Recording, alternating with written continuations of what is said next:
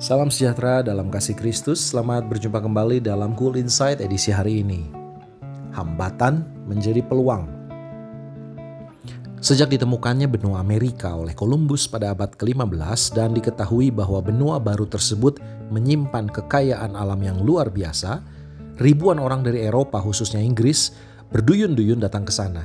Puncaknya adalah di abad 19 ketika terjadi demam emas Tersebutlah seorang pria yang juga datang ke Amerika hendak menambang emas. Namun betapa kecewanya ia menerima kenyataan bahwa setibanya ia di Amerika, emas yang diimpikan sudah habis. Sementara uang untuk pulang sudah menipis. Dengan gontai dan pikiran kosong, ia berjalan mendekati kereta kudanya. Untuk sekian menit, pikirannya menerawang entah ke mana, sambil tangannya memegang terpal penutup kereta kudanya. Aha, tiba-tiba datang ide cemerlang ke dalam pikirannya. Dengan tangan masih memegang terpal penutup kereta kuda, ia memandang ke arah penambang yang sedang bekerja keras mengumpulkan butiran emas dengan kondisi pakaian yang sudah tidak jelas. Sontak muncul ide cerdas di pikirannya, ia bertanya dalam hati, Mengapa tidak ada celana khusus penambang yang terbuat dari bahan yang kuat seperti terpal ini? Selain lebih awet, kulit penambang juga bisa terlindungi dari goresan yang bisa membuat sakit. Siapa yang menyangka berawal dari rasa frustasi akibat gagal menjadi penambang emas, pria tadi secara tidak sengaja menemukan ide untuk membuat bahan celana yang terbuat dari terpal. Bahan celana yang kelak disebut jeans itu kini sudah dipakai di seluruh dunia sebagai bagian yang tidak bisa dipisahkan dari mode. Pria itu bernama Levi Strauss, seorang Yahudi Jerman yang produknya dikenal dengan merek Levi's.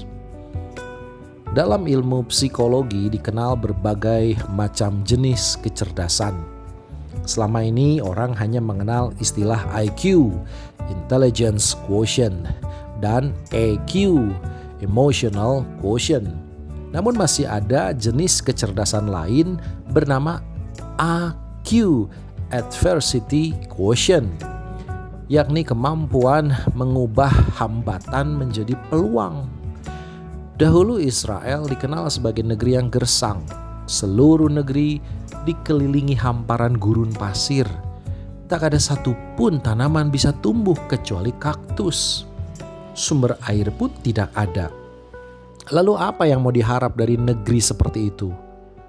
Namun sebagai bangsa yang cerdas, bangsa Yahudi terus maju dan tidak menyerah dengan kondisi alam seperti itu.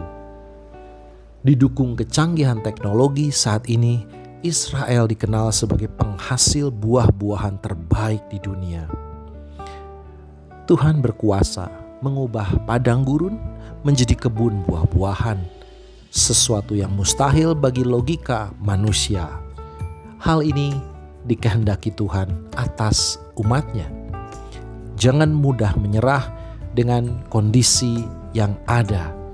Ubahlah hambatan menjadi peluang. Semoga diberkati dengan kisah ini. Selamat malam, selamat beristirahat. Tuhan memberkati senantiasa.